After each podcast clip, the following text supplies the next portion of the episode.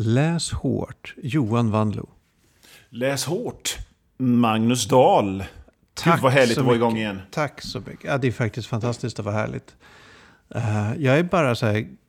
Det, det, det, är något med de här sista skälvande avsnitten in, innan mm. sommaren. Mm.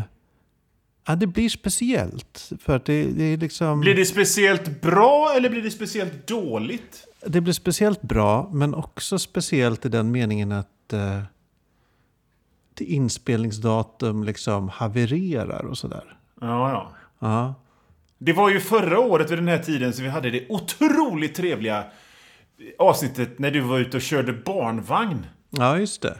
Och spelade in samtidigt. Det var tider det. Men jag håller med dig, det blir också alltid bra när vi, när vi gör liksom framåt sommaren. Jag vet inte, man börjar skita i precis allt. Och så ja. blir det bra för att man är bra. ja men eller hur. Är, ja. alltså, vi har en väldigt hög lägstanivå, skryter jag om. uh, hörru du, Berätta vi, om denna podd nu. Ja, alltså det här är en podd där uh, du, Johan Wanlo och jag, Magnus mm. Dahl, pratar om böcker. Mm. Vi, alltså, i liksom, vad kan man säga, brittisk tabloidpress så, så kallas ju vi The Great Gentleman of Podcasting. Men det har ja. liksom inte nått till Sverige riktigt än. Nej, verkligen inte. Nej. Uh, jag gillar att säga The Great, the great gentleman, gentleman, of Podcasting. Ja, jag gillar det. Verkligen. Jag, jag fick det Även om jag, jag, är en snusig göteborgare så...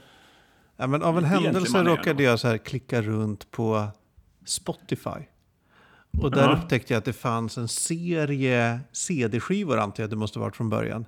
Som heter uh -huh. The Great Gentleman of Song. Och så är det okay. typ så här Frank Sinatra och Dino och, och en massa crooners som man vet är liksom date rapers.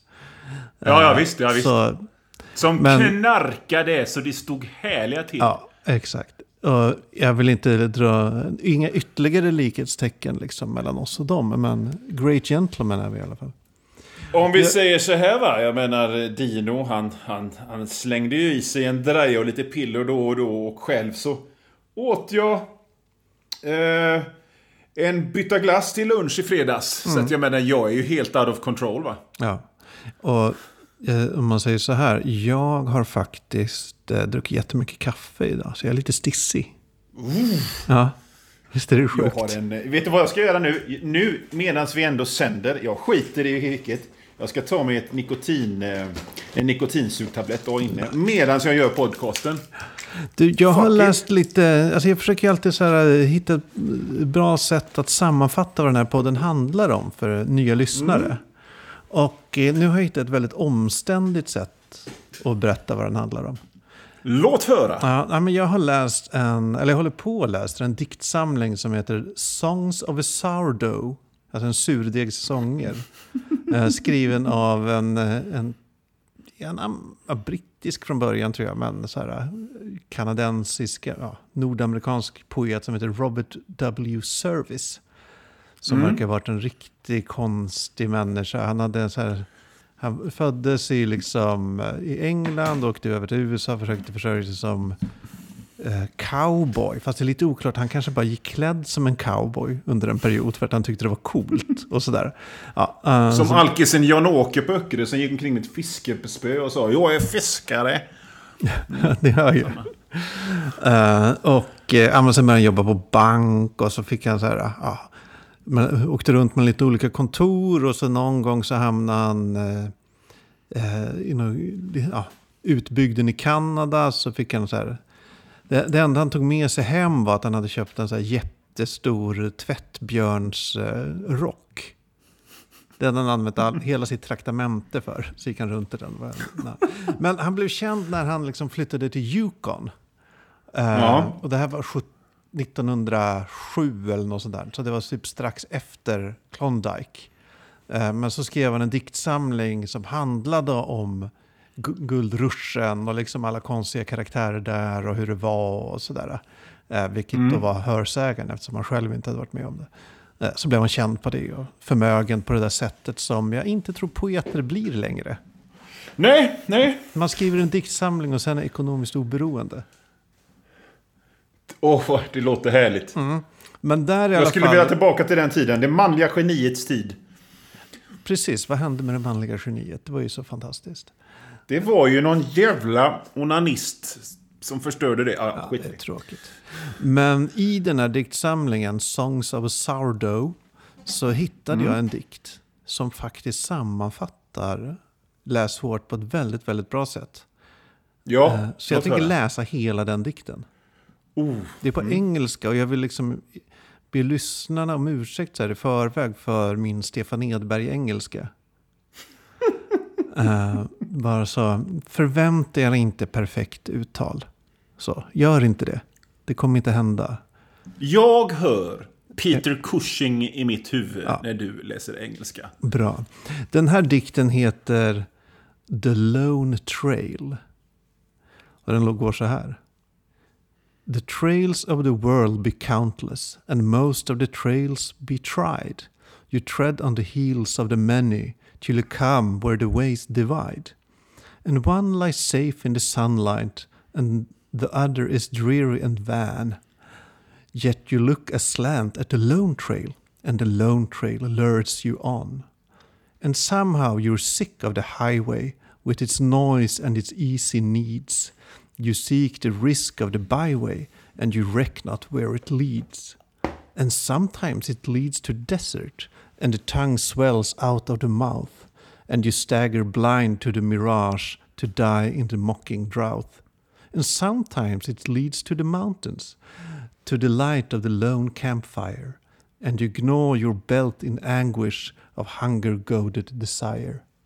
And sometimes it leads to the southland, to the swamp where the orchid glows, and you rave to your grave with fever, and you rob the corpse, and they rob the corpse for its clothes. And sometimes it leads to the northland, and the scurvy softens your bones, and your flesh dints like putty, and you spit out your teeth like stones. And hmm. sometimes it leads to a coral reef in the wash of a weedy sea, and you sit and stare at the empty glare where the gulls wait greedily. And sometimes it leads to an Arctic trail and the snow where your torn feet freeze, and you whittle away the useless clay and crawl on your hands and knees. Often it leads to the dead pit, where it leads to pain. By the bones of your brothers you know it, but oh, to follow your fame. By the bones they will follow behind you, till the ways of the world are made plain. Bid, good, bid goodbye to sweetheart, bid goodbye to friend. The lone trail, the lone trail, follow to the end. Tarry not and fear not, choose, chosen of the true. Lover of the lone trail, the lone trail waits for you. Åh herre jävlar vad vackert! Det, det är Läs hårt. Det är Redan Läs hårt! På början av 1900-talet så satte Robert W. Service, alltså Ja, men tack för den här gången Magnus. Vi Ja. hörs eh, efter sommaren. Ja, det det här, gör vi, vi, det går, hur ska vi gå vidare liksom? Nej, jag vet Det inte. var det vackraste jag har hört. Men det, ja. Den har ni. Det var det är den längsta undertiteln någonsin. Men det är våran undertitel nu. Hela Ja, den dikten är våran undertitel. Läs hårt. Copy-paste. Du, eh, har du läst något annat på sistone, sista tiden då? Ja, jag har läst eh, en jävla bra bok. eh, som hette eh, eh, the, Pri- the Priory of the Orange Tree. Av eh, Samantha Shannon, tror jag hette. Eller Susanna Shannon. Shannon i alla fall. Ehm, som jag fick liksom nys om via Twitter. Som så mycket av eh, mina tips. Alltså jag bara började läsa saker som olika människor retweetar på Twitter. Mm, ja, men så är det mycket för mig också. Då, Det är liksom när sociala medier är bra. men sen det- tänkte jag så här, alltså den typen, jag har liksom aldrig börjat läsa en bok för att jag sett den på Instagram. Alltså jag följer väl en del författare och sådär på Instagram också. Eh, men speciellt det svenska författar-Instagram är liksom så jäkla jobbigt. Det är... Hur menar du? Ja, men det är så extremt ryggdunkande. Alla Mm. vill ge sken av att de är bästa vänner med alla. Det är alltid så här, min Mm. kompis har släppt en bok. Och det så här, men ni kanske har träffats en gång på en AV. Liksom. Ja, visst. Eh, det är stories på stories på stories. Det är liksom så här konstruerade dramatiska Åh. händelser. Oh, jag var tvungen att byta titel på min bok. Så, Döda storytelling. Åh, usch. Ja. ja, och äh, men det var så o, osympatiskt. Konstiga tävlingar och sådana saker. Ja, jag vet inte, men eh, jag har ingen djupare analys av det här. Jag ville bara ösa ur mig eh, att jag, jag gillar inte författar-Instagram. Jag tycker det är jobbigt. Men, alltså jag vet inte vad jag kan tycka. Alltså jag har ju Instagram och Twitter och jag använder, liksom det underliggande syftet är ju att göra reklam för min skit. Ja, Eh, Men sen så har jag en massa annat också. Liksom speciellt mitt Twitter som är ett järnfjärtande utan dess like. Men sen så finns ju de här författarna som inte gör något annat än reklam för sin, sina grejer. Oavbrutet. Det finns ja liksom... det kanske är det, att det är... Alltså att procentdelen av författare som använder Instagram bara som liksom reklamkonton är högre än Mm. på Twitter. Jag vet inte. Att liksom var, varenda selfie ska vara en eh, så här, eh, promota deras nya bok. Typ. Ja, nej men exakt. Det finns inte någon, någon rolig vits eller bara någon bild på någon, på någon utspilld ketchupflaska eller någonting. Utan det är bara liksom... Är Jag är så glad att jag har fått... Ja, och jag menar... Eh, vad var det jag ska... Jag hade någon, jag hade någon tråd där. Men, men jag kan bli så irriterad på sociala... Det här är inte så vanligt i Sverige. Men amerikanska serietwitter. Det här jävla... Du måste jobba 18 timmar om dygnet.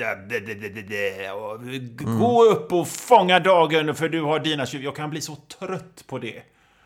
För att jag vet att alla ljuger. Och någonstans så känner jag också liksom att Men snälla ni, jag började inte med att hålla på med konst och kultur för att ha ett jobb. Utan det var ju liksom till 50% en vilja att ligga kvar i sängen. Ja. Eh, det, Så att jag...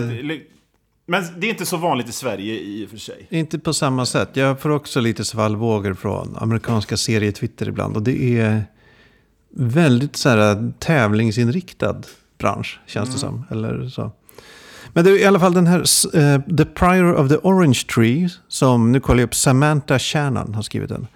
Det är en sån här, rik, jag tror det är 850 sidor fantasy tegelsten. Och eh, den var så jävla bra. Den var så jävla bra. Alltså, framför allt visar den att, alltså den som jag fattar det, det ska inte komma någon uppföljare tror jag. Inte vad jag har sett i alla fall. Utan det är liksom en, en self-contained episk eh, fantasy story.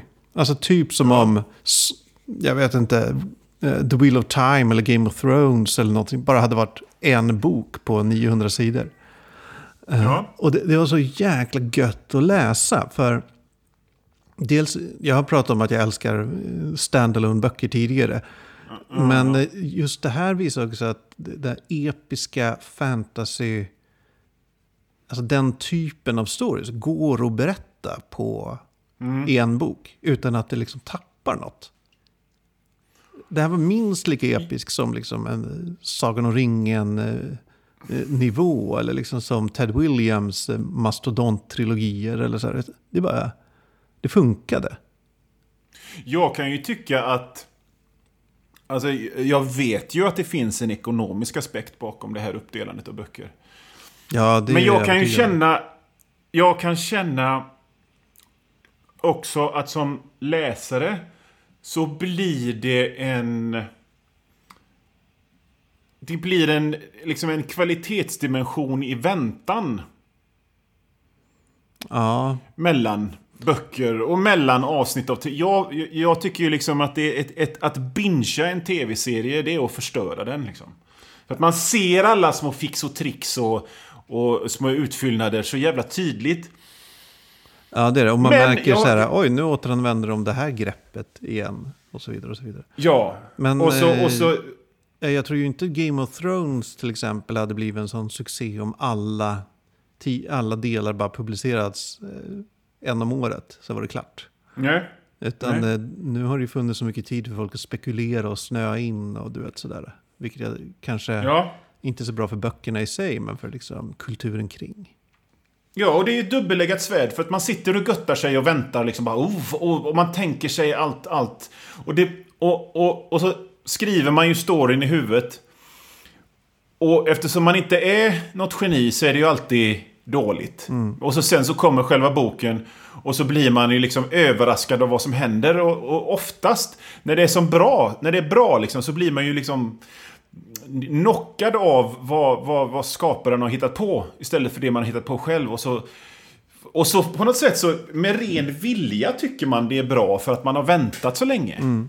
Ja, ibland är man Men- väldigt eh, så här, det här ska vara bra. Och så sätter man Ja, precis. Och så är det bra. Men, men som sagt, jag håller också med att en self... Ja. Ja, ja, jag började också ungefär samtidigt läsa J.V. J, jag kan inte prata. J.V. Jones, A Cavern of Black Ice. Som också är, alltså det första delen i en sån här episk fantasy-serie. Jag älskade J.V. Jones tidigare, hennes förra serier. Eh, som kom kanske runt millennieskiftet eller slutet av 90-talet. Sådär. Eh, jag har inte, har inte läst hennes den senaste serien. Som också kom strax efter millennieskiftet tror jag, första delen. Och då märker man, jävlar vad, eh, alltså, var den ett barn av sin tid? Att den skapades när det var, förväntningen var på en fantasyförfattare. Att skriva sju stycken delar, ah, 800 sidor i sin, i sin värld. Och eh, nu när jag läste de här lite parallellt så märker jag direkt att det J.V. Jones gör är att bara smocka in så mycket detaljer i allting. Det är Ja. aldrig så här, och sen red de till staden. Utan det, han klev upp på sin häst, eh, stigbygeln rasslade, eh, Ja. lädret knarrade i hatten. Eller liksom så. Ja. Det var jättemycket detaljer och vädret och vad de äter och hur vägen ser ut och vegetationen. Och, Ja, Det är bara så mycket som kommer i vägen för storyn. Men s- visst, det kan ju vara stämningsfullt och sådär, men det tar bara så jäkla mycket plats. Och eh, Men, men, men jag menar, när man läser en, en författare som gör sådär, som man har läst mycket böcker av tidigare. Då har man ju liksom någon slags inställning i, i hjärnan som säger okej, skumningsdags. Ja, men lite så här, när kommer Jag- nästa pratminus? Alltså typ så.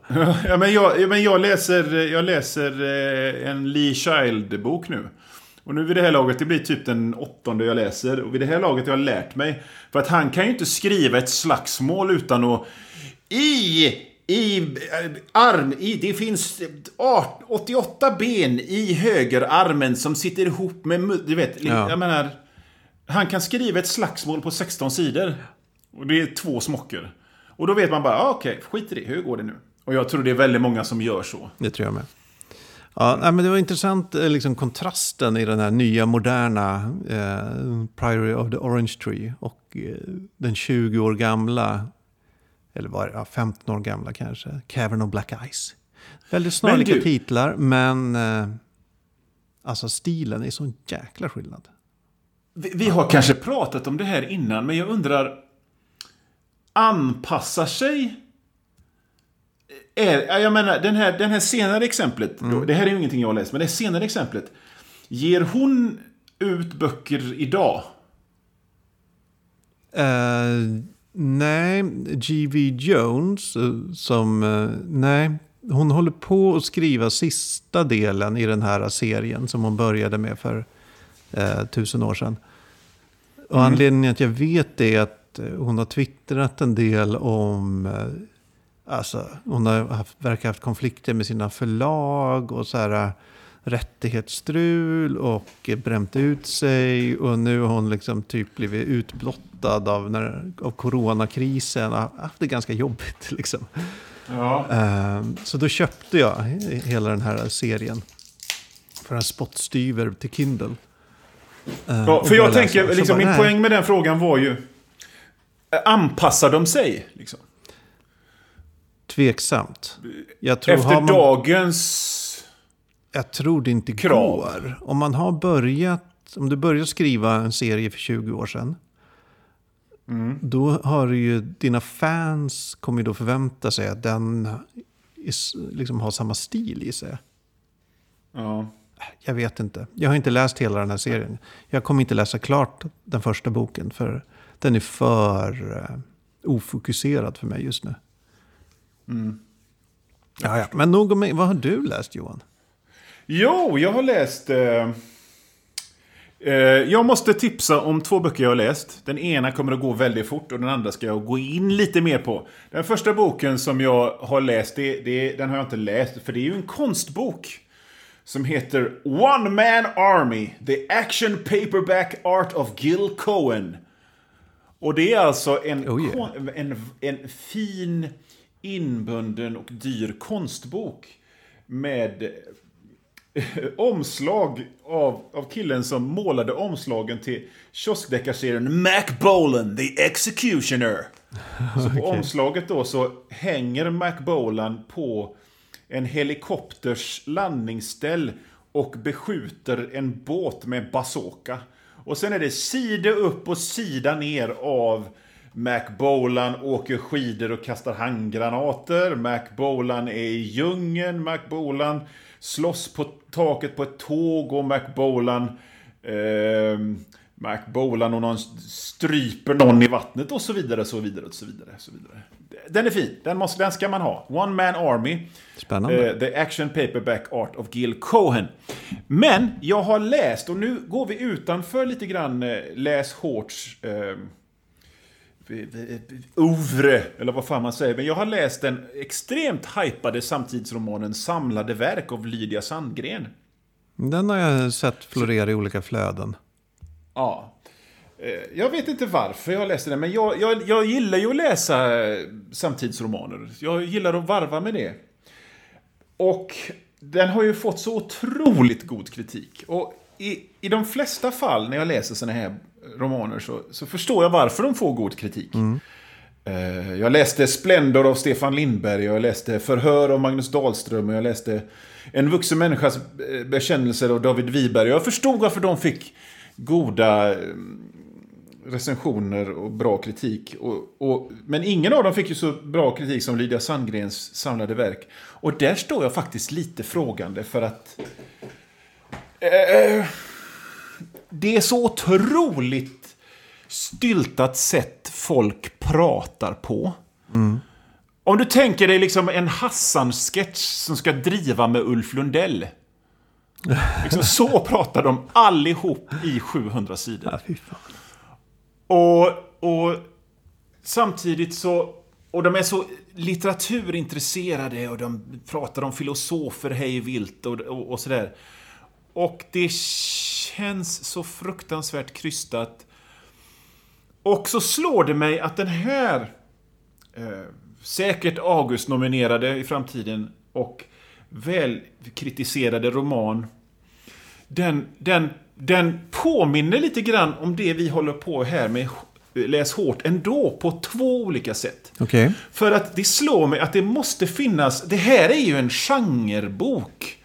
För folk som gillar genren... Eller livsstilen litteratur. Mm. Ja, Som, som vill liksom gotta i sig i, i och leva the literature life. Förstår du? Ja. Och på så sätt så har den ju mer gemensamt med de här Cozy Cat Mysteries vi läste eh, förra terminen än någonting annat jag har läst på länge. Ja, men det, Det- är- det- Jag har läst en del sådana där själv, tror jag. Om det är den genre du Mm. menar. Alltså det är ofta väldigt...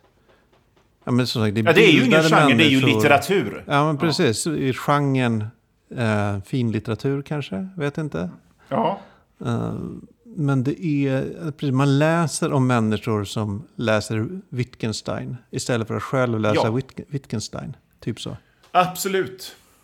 Och det var därför jag blev nyfiken på den, för jag är ju lite sån själv. Och därför den talar till mig. Det är därför jag gillade... Eh, det var därför recensionerna gjorde att jag blev liksom, ah, den ska jag läsa. Och sen också så utspelas den i Göteborg och, och på, på så sätt så... Som göteborgare så gottar man ju sig i det eftersom det är väldigt få böcker som utspelas i Göteborg. Eh, eh men, på, på, men på samma sätt så har de ju så har ju den här boken det är gemensamt med sådana här böcker som fanns i eh, jultidningskatalogerna förr. Så fanns det alltid så här. Eh, mord på Marstrand. Mord i Onsala. Mord, i, mord i Dalarna. Litteraturvariant till De tjänar mest i din kommun. Ja. Och, och, och så vet man att eh, de som köper jultidningar det året som de... eh, Det är mord i Rättvik kommer att köpa den för åh, där bor ju jag! Där. Och så läser de åh, de skriver om Ikan där. Så att, och liksom det är ju lite där, lite det kände jag med. Ehm, ja, det var det. Ja, nej, men det det var jag finns olika målgrupper. Eh, Alltså jag vill också säga att, att i slutändan... Ja, precis. Men i slutändan så levererade boken, det var ju en... Det var ju en mastig, härlig... Det, alltså den... Den, den, man kan bli på två sätt av en så här tjock bok. Antingen så tröttnar man på den. eh, Och bara ger upp. Eller, eller blir glad över att man slutar. Eller så blir man liksom till slut nerbrottad och uppspöad av den. Nu gillar du det! Och till slut blev det så. Stockholmssyndromet. Ja, verkligen. så någonstans 450 sidor in i 700 så ja, men det här är rätt bra. Ja, men eh, fan, glädjande i alla fall att du blev hjärntvättad till slut. Ja, och, och, och ändå intressant att, att, att liksom, det går att koppla det går att koppla till vår sida av det. Vår lite mer eh, om, om, om, om, om kultursides omnämnda böcker är Café Opera så är det en hamnkrog i Majerna. Men att det ändå går att hitta paralleller någonstans. Alltså jag måste säga bara en, en sak till om den här The Priory of the Orange Tree som jag läste som var så jävla bra. Samantha Shannon. Det är att den var så bra att trots att eh, det är vissa saker i den som jag liksom får, inte gillade, alltså i språket. Eller rättare sagt hur namnval och liksom vad olika fenomen och orter och sådär heter. Som jag inte tyckte, det känns inte riktigt genuint. Och då är jag ändå jävligt van Nej. vid spacade fantasy-namn och begrepp. Liksom. Men det, liksom, det var något Ja. som, bara in, som kändes konstruerat i allting. Trots det så läste jag klart den och tyckte den var svinbra. Mm. Det är en sån sak som annars skulle kunna få mig att bara lägga ifrån mig boken och gå därifrån.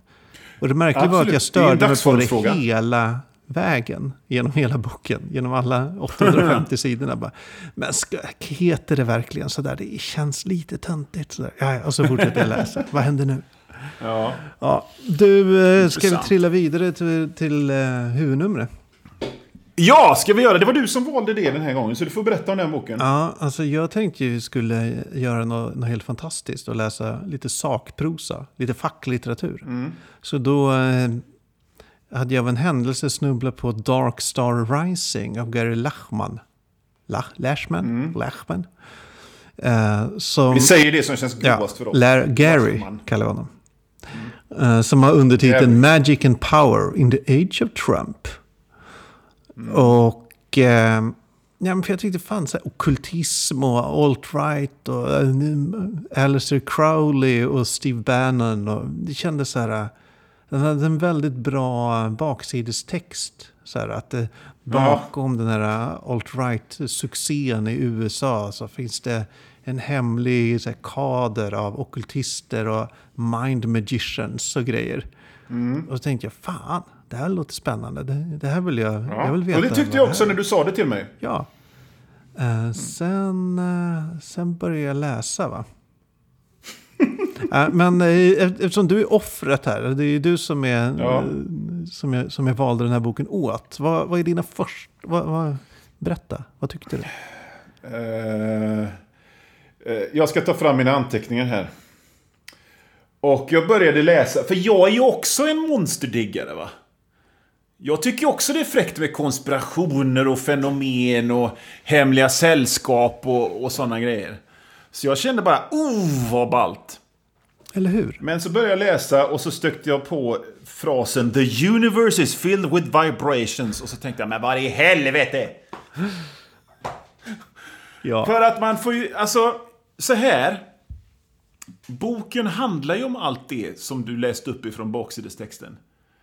Men någonting säger mig att den här boken såldes in och skrevs först bara som någon slags allmän bok om om lite, ja, lite kulter och lite, lite sådana magicians och Aleister Crowley och lite info om sådana. Och så sa förlaget, ja men vi knyter an till Trump lite. Så, för den är ju ytterst löst knuten till Trump. Ja. Det är ju, det är ju liksom en lång jävla Wikipedia-artikel om, om liksom svart magi. Alltså den, Kända den för ju magi. någon sorts lös tes om att Trump är en kaosmagiker. Eller? Mm. Gör den det?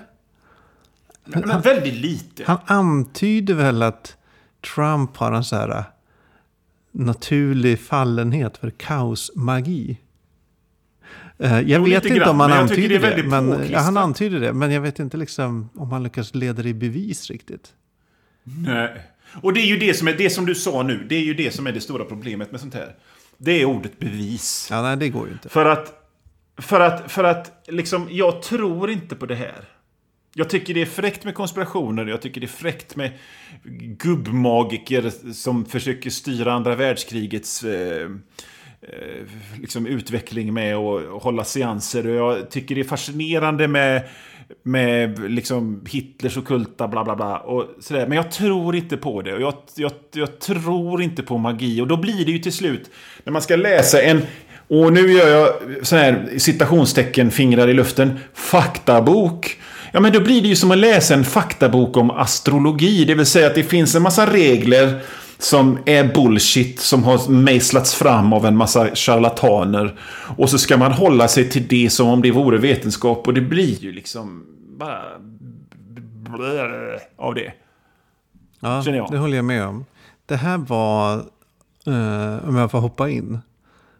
Mm. Det var lite som, jag menar, när, jag, jag, när jag pluggade litteraturvetenskap och sådär. Alltså de sämsta, den sämsta kurslitteraturen. Som bara är liksom eh, rabblande av namn och relationer. Och man får inte ut någonting av det. Med den lilla eh, plusset. Det är så, det är så Mm. konstigt allting. Alltså, han, det liksom förutsätter att man går med på så mycket för att ens kunna närma Ja. sig dig. Alltså det är så här, Ja, men det är ju det som är problemet med allt sånt här. ja, plötsligt börjar han prata om så här, ah, var det här den gömda handen, eller den dolda handen bakom Paris nya sy- psychogeography? Som var ansvarig för att det finns en pyramid utanför Lo- Louvren. Och man bara, men, eh, eh, man bara, va, vänta? Uh, Okej. Sånt här är ju jättefräckt. Som i eh, From Hell av Alan Moore och Eddie Campbell. Ja. När de rider runt och sakta, sakta kommer det fram att Londons gatusystem är i formen av ett pentagram. Men då är det ju ändå en story. Precis, det finns en story. Jag vill ofta skaka den här Gary och bara skrika. Men Ja. liksom, kan du bara berätta det här för mig som om, jag var, om vi tog en öl? Som att jag var din kompis och vi sitter på en krog och dricker öl. Kan du bara berätta the good stuff för mig? Tack. Ja. Och inte dränka mig i liksom... Alltså, jag har ett citat någonstans och det är verkligen varenda, varenda mening är typ uppbyggt så här. Eh, Jag måste bara hitta den. Alltså det är så mycket namn och det är kors och tvärs och höger och vänster. Eh, men nu hittar jag inte citatet såklart. Men det, det är typ så här. Kalle, som är en samtida, eh, som levde samtidigt som Olle och kände Nisse, eh, sa en gång om Adolf att nej men eh, Jenny, hon är, alltså det är bara en lista av namn. Ja, ja. Varenda mening är den kände eh, esoterikern Boetius som bodde tillsammans med Kalle. Alltså jag blir så helt tokig på hur Ja. omständigt han skriver. Alltså, jag menar, jag kan, jag, kan, jag kan verkligen uppskatta en matig tidningsartikel om sånt här. Ja, Men en hel jävla bok alltså, nej. Men jag, jag undrar också, tror den här personen på... Alltså är han en... eh, Är han en magiker med CK själv? Tror han på det här? Jag tror inte det. För att samtidigt som den håller på så här så är den samtidigt väldigt vag i sitt ställningstagande. Den är vare sig skeptisk eller, eller believer. Nej. Och då blir det ju snömos av allting. Eh, känner jag. Så att det, det, var, jag, jag läste den här boken och så började jag läsa den så kände jag mig, vad i helvete Magnus. Och så, och så ögnade jag igenom. Och så kom man till, så kom man till ett, eh, en lång sekvens som handlade om olika sektledare. Och det råkar jag vara lite intresserad av. Jag menar, jag, har, jag, är, jag är lika intresserad av true crime som de flesta. Och liksom, jag har mina så här specialgrejer som jag, som jag är intresserad av. Och just sektledare tycker jag är intressant. Så där, där stannade jag i läsningen och började läsa normalt. Jag läste allt. Men sen blev det det här, kan Kalle vara släkt med Bosse som eh, köpte, delade en flaska vin under, ja, jag vet inte. Ja, Det, det är som alltså- han, han, eh, även om man köper liksom hela premissen för det här. Att Mm. Pepper the Frog var en del av meme magic som ledde till att alt-right förtrollade, eller typ använde positive thinking för att eh, göra Mm. Trump till president. Även om man liksom kan säga, okej, ja, men det här är något vi behöver reda ut nu. Det kan, Mm. Om det är så, så vill jag att det ska redas ut att alt-right kan magi. Det vore kul att veta. Mm. Eh, men han lyckas inte övertyga åt något håll. Förstår? Han, Och just det här... Nej. Ja, och till råga på det så är det ju... Ja, nej, jag, jag blir ibland bara helt matt när jag tänker på det. Det finns sådana citat som så här... Jag har en kommentar där jag bara skrivit idiot på, på citatet.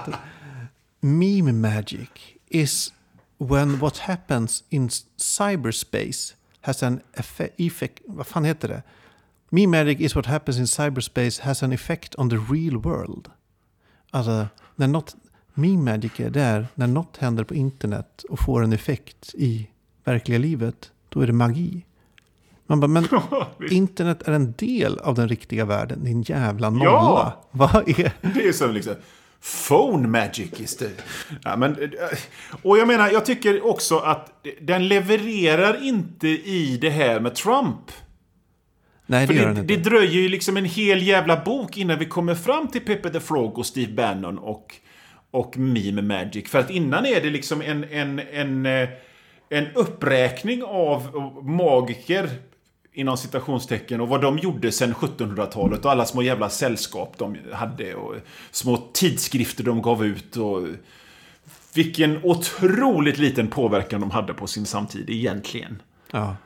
Till, och, och, och, det- och det är just detta som får mig att tro att den här boken... Han ville skriva en bok om... En vanlig, enkel, populär inom citationstecken vetenskaplig bok om lite... Lite magiska sällskap och lite folk som kallar sig magiker och så sa de så här, men vet du vad, vi hit, hitta på, koppla detta till Trump på något sätt. För det känns liksom påklistrat med Trump. För Trump nämns Visserligen ofta, men det är alltid liksom i slutet på kapitlet.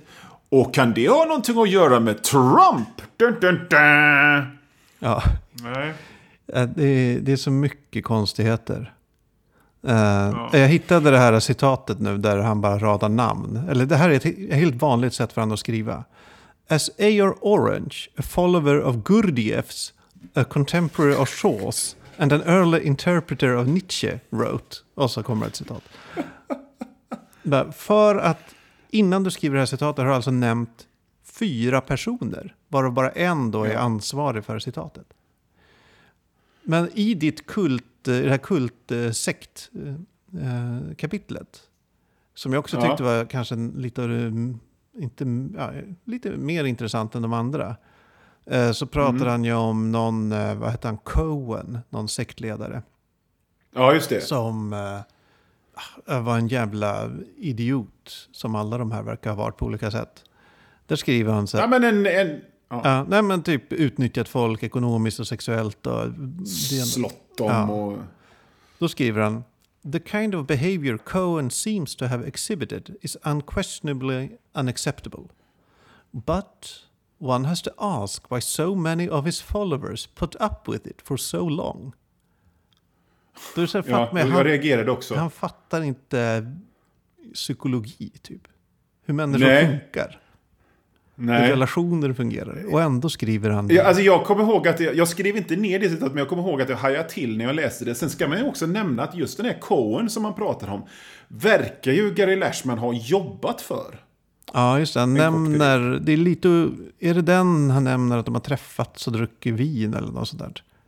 Ja, ett, ett antal gånger till och med. Han bygger i allmänhet Och han så här stora honom med någon- teoribyggen genom att eh, ja, typ skriva så här, det verkar inte osannolikt att de här kände varann. För de var båda i Paris under 60-talet. Alltså typ, Ja. och så antar han då att de känner varann och sätter ihop dem i ett stort sammanhang. Och så lägger han till en, och de fikade vid ett annat tillfälle. Så alltså måste den också vara med i den här konspirationen, eller liksom organisationen.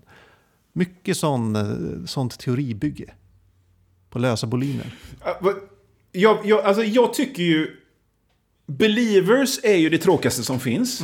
För att jag, jag kan inte identifiera med dem. Samtidigt så tycker jag att non-believers som ska skriva om sånt här är också det tråkigaste jag finns, för att, som finns. För att då ska de, då ska de hela tiden sätta sig till doms och, och vara von oben och sådär. Jag menar, i, i sådana här fall, när man ska skriva om sådana här grejer, så måste man ju nästan skriva strikt journalistiskt utan några större känslor. Men, men Gary, vi är ju Gary med Gary Lashman. Han, han flörtar med believers och han flörtar med non-believers hela tiden. Och då blir det bara en jävla soppa av alltihop. Verkligen. Han, han skriver mycket meningar av typen så här. Trots att det inte finns något, eller även om det inte finns något bevis att Hitler kunde magi så... Och så fortsätter något antagande. Ja. Så är det ändå intressant att eh, det var si och så. Eller, eh, Ja. eller här, att Hitler... Vänta. When we read of how Hitler was able to possess an entire nation, suspicions about how he was in league with dark forces, however li- unlikely, seem to make a kind of sense. Man bara, ja, Ja, eller så var det bara makt och terror. liksom. Det behöver inte vara Ja, magi. visst. Ja, men det är ju som en recension som är å ena sidan kan man väl tycka att det är bra, och å andra sidan kan man väl kanske tycka det är dåligt. Alltså, det säger ingenting och det blir väldigt osubstantiellt. Men vet, Jag tycker vi är färdiga med den här boken Jag vill nu. bara säga att det fanns ett tillfälle i den här boken när jag verkligen bara satte mig upp och bara skrek nej. Och det var i början av kapitel 5. Alltså kanske 100 sidor in i den här 200 sidor tjocka boken. Eh, Då har jag alltså läst eh, fyra kapitel som är så här. Uh, Alistair Crowley föddes den, eller eh, Arnold föddes den Eh, Strindberg var en svensk författare som eh, liksom bara bakgrund i fyra kapitel. Mm. Bara historik. Bara så här, eh, nu går vi tillbaks till antiken och berättar vad de tyckte om positivt tänkande. Och eh, sen börjar kapitel 5 med en utläggning så här, kan det vara så att Trump är eh, eh, kaosmagiker och att den här boken The Secret, då, som handlar om positivt tänkande, är eh, nyckeln till hans framgångar och bla bla bla. Eh, en sån radda och sen kommer meningen To address these questions we need to go back to the beginning. Jag bara, Nej! jag, jag har läst hundra sidor om the beginning. Jag vill inte gå tillbaka till the beginning. Jag vill inte. Fy fan vad bra. Eller dåligt. Eh, Ja, nej, men det, det här är ingenting vi eh, rekommenderar och eh, vi ber om ursäkt till alla som följde med oss i läsandet. Ja, eh, nej. Det känns lite som eh, att... eh, Han är lite, lite... Han kan ju uppenbarligen mycket om de här eh, sakerna. Men han är helt oförmögen att förmedla det till en ej specialintresserad läsare. Jag tycker ändå jag har ganska bra koll på... Alltså, jag vet vem Alistair Crowley är liksom. Ja. Det är på den nivån jag är. Men nej. Och, och jag menar, eh, när jag kollade upp den här författaren så såg jag att han har ju skrivit mängder av böcker i, det här ämnet. Och spelat gitarr i Blondie av alla band. Va? Ja, Okej. Han var med i Bl- Blondies originaluppsättning på typ 75 eller när de var. Fan vad fränt. Ja. Ja. vi lämnar denna bok bakom oss. Dark Star Rising. Hej då. Du, eh, Magnus. Mhm. Nästa avsnitt blir ju det sista avsnittet inför sommaren. Ja, det blir det. Sen tar vi vårt Ja, välförtjänta det. sommarlov. Och jag har känt som... Jag har känt en, eh, en lust bubbla i mig under våren och det är att jag vill läsa gammal klassisk SF.